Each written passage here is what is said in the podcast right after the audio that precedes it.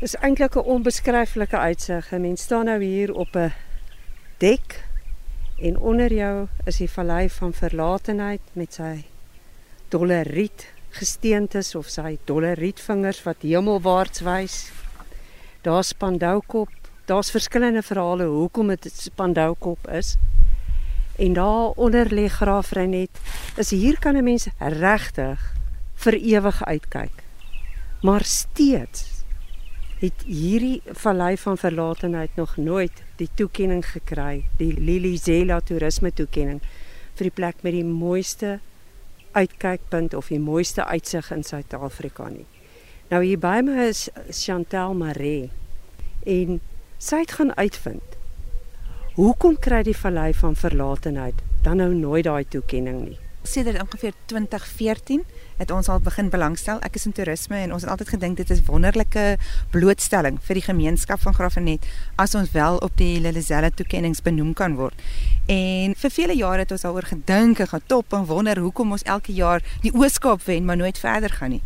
En toe uiteindelik toe ek net 'n bietjie navorsing doen en met die mense in die wat die kering doen, gaan gesels was daar vir my baie duidelik gemaak dat dit gaan oor die universele toeganklikheid vir mense van reg rondom die wêreld om hier bo te kan kom. Jy weet vir ons in die hartjie van die Karoo is ons baie lief om met die vallei van verlatenheid rondloop, maar jy dink nooit daaraan dat dit is 'n grondpaadjie om tot bo te kom nie. En dit het ons besef dat jy moet met mense met rolstoele, mense van um ouer leeftyd, almal wat sukkel om te loop, almal moet moontlik ek sal sê kan die geleentheid geskep word dat hulle hier kan uitkom. En toe het ons daaroor nagedink en my pa was baie betrokke by 'n lokale vereniging genaamd Granaat en die Granaatspan het besluit luister dis nou iets wat hy nou hulle sal definitief wil ondersteun en gelukkig vir ons het hulle dit moontlik gemaak met befondsing en ons is baie gelukkig dat ons die eerste gedeelte is voltooi. So ons sit met 'n baie mooi dek met 'n uitsig en ons sal maar hoop dat die res kom nog. Voor ons nou by Granaat kom want um, dit is so mooi. Dis vir my moeilik om vir jou te kyk terwyl ons die onderhoud doen want die uitsig is so ongelooflik. Is hulle het al gepraat van die wat is dit die oervlaktes. Maar as ons nou net kan terugkom na die paadjie hier. Ons staan nou hier op 'n regte stewige dek. Niemand hoef bang te wees hulle val af nie. Wat vir jou 'n uitsig gee na die noorde, ooste, weste, suide is amper 'n 360 grade uitsigpunt. Iemand het vir my gesê dit is so wyd soos die Heer se genade. Maar dit was nogal 'n klim. Dit is 220 meter tans wat jy moet loop en ek sal sê die die grootste ding is is dat jy moet um, definitief kan klim. Dis nie dat daar's nie geen um, iets om aan vas te hou nie. Jy moet stewig op jou voete wees. So ons sal altyd vir mense sê jy moet goeie skoene aan hê En as jy eers hier bo is, dan is dit 'n fantastiese uitsig. So daar mense spandeer tot ongeveer na sonsondergang en dan is dit redelik moeilik om met daai skemertyd mm. teen daai paadjie af te klouter. So ek sal definitief sê die mense gaan die gebied baie meer ondersteun as daar 'n beter toeganklikheid is tot hierdie omgewing. Goed, hulle sê dis nou 'n geologiese wonder en ons staan nou hier by die wonder en ek kan nou maar net sê wat ek dink. Maar Wat is die geskiedenis van hierdie vallei van verlatenheid? Wat is sy geologiese geskiedenis?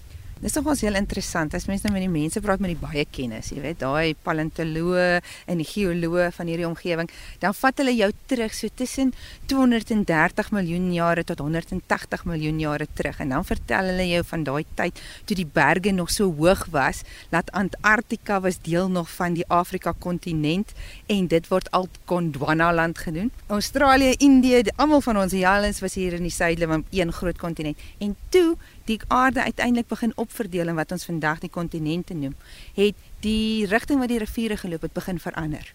So toe die riviere nie meer na die binneland gevloei nie.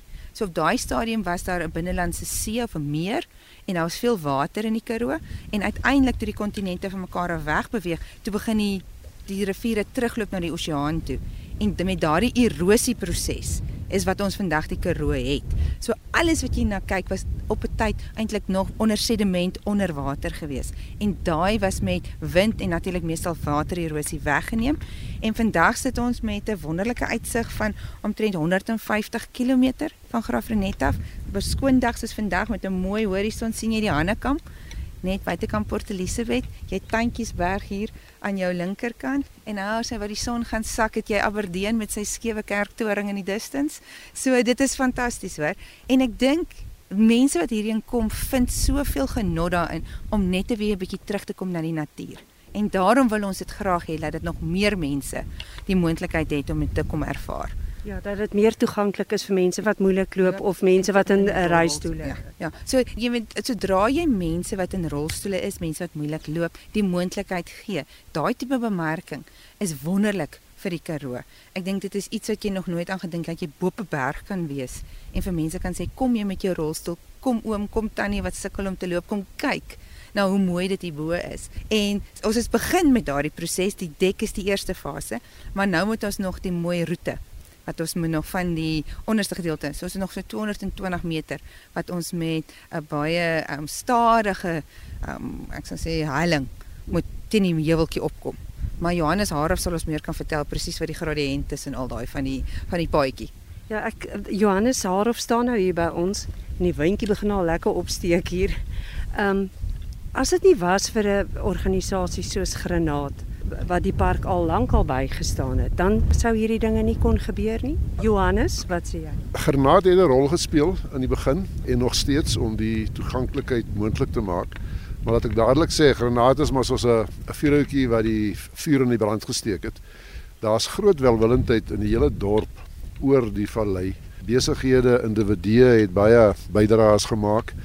Ons het groot hulp van sandparke gekry. Sandparke soos julle weet het baie swaar gekry, nog steeds finansiëel, maar maak geen fout nie, hulle het baie kundige mense en geweldige hulpvaardige mense. Net so het die ereveldwagters het ook vir ons geweldig gehelp met die befondsing van die projek. Die streek hier by Bergzebra het die deur vir ons oopgemaak by die ereveldwagters en die Magali streek het ons hoofsaaklik befonds met wat ons tot nou toe gedoen het. So Gernaat speel 'n rol in om te identifiseer, te koördineer, om te praat ensovoorts. Maar daar's baie ander spelers wat ons geweldig gehelp het in die proses en ons is vir hulle ewig dankbaar. En ons is verskriklik trots. Trots nie net op die bietjie wat ons gedoen het nie, maar trots op die manier wat ons uit soveel oorde uit, uit die hele breë gemeenskap se ondersteuning gekry het. Ons kan nie wag om die laaste stuk te voltooi nie. Ek sal baie graag die heel eerste rolstoel of reistool wil instoot al die pad van die parkeerterrein af tot hier en ek is seker die res van Genaat sou dit saam met my wou doen. Ons is so 80 gelede, ons is hoofsaaklik afgetredenes. So ons is nie meer miskien kon ons doen wat ons 20, 30 jaar terug kon doen nie, maar ons kan hulle waai maak en ons kan mobiliseer en ons netwerke misbruik en dis goed so.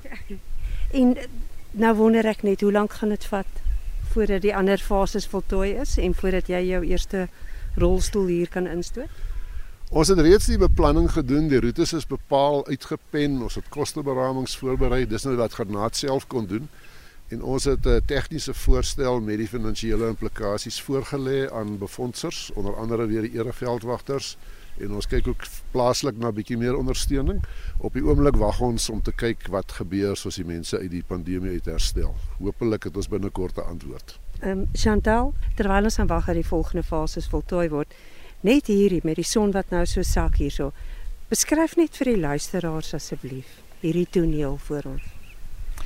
As jy jou oë toemaak en jy dink jy staan nou bo op 'n berg en jy kyk uit, in die Karoo. Die Karoo is regtig mooi op die oomblik. Ons het baie reën gehad, so dis mooi en groen en dis daai pierneef skildery wat in jou agterkop moet begin wemel, daai blou-blou berge in die verte. En dan hier voor op die voorgrond is dit daai mooi, ek sal sê roosrooi van die stene. En die rede daarvoor is die oksidasie van die eysterklip wat hom so in die son as hy begin sak en jy die duwe en jy het al die swaalkies en die die geluide van die voëls in die in die vallei is fantasties. En dis hy stilte wat jy amper kan hoor hoe sakkie son. En dan dink jy vir jouself, dis waaroor die lewe gaan, is om hier bo te sit en te kyk hoe die Karoo se kleure verander en dit 'n bietjie donkerder raak en jy vir jouself dink, môre is nog 'n dag. Ek is vol hoop alles gaan goed wees. So dis 'n plek vir die siel. sien uit om julle hier te hê.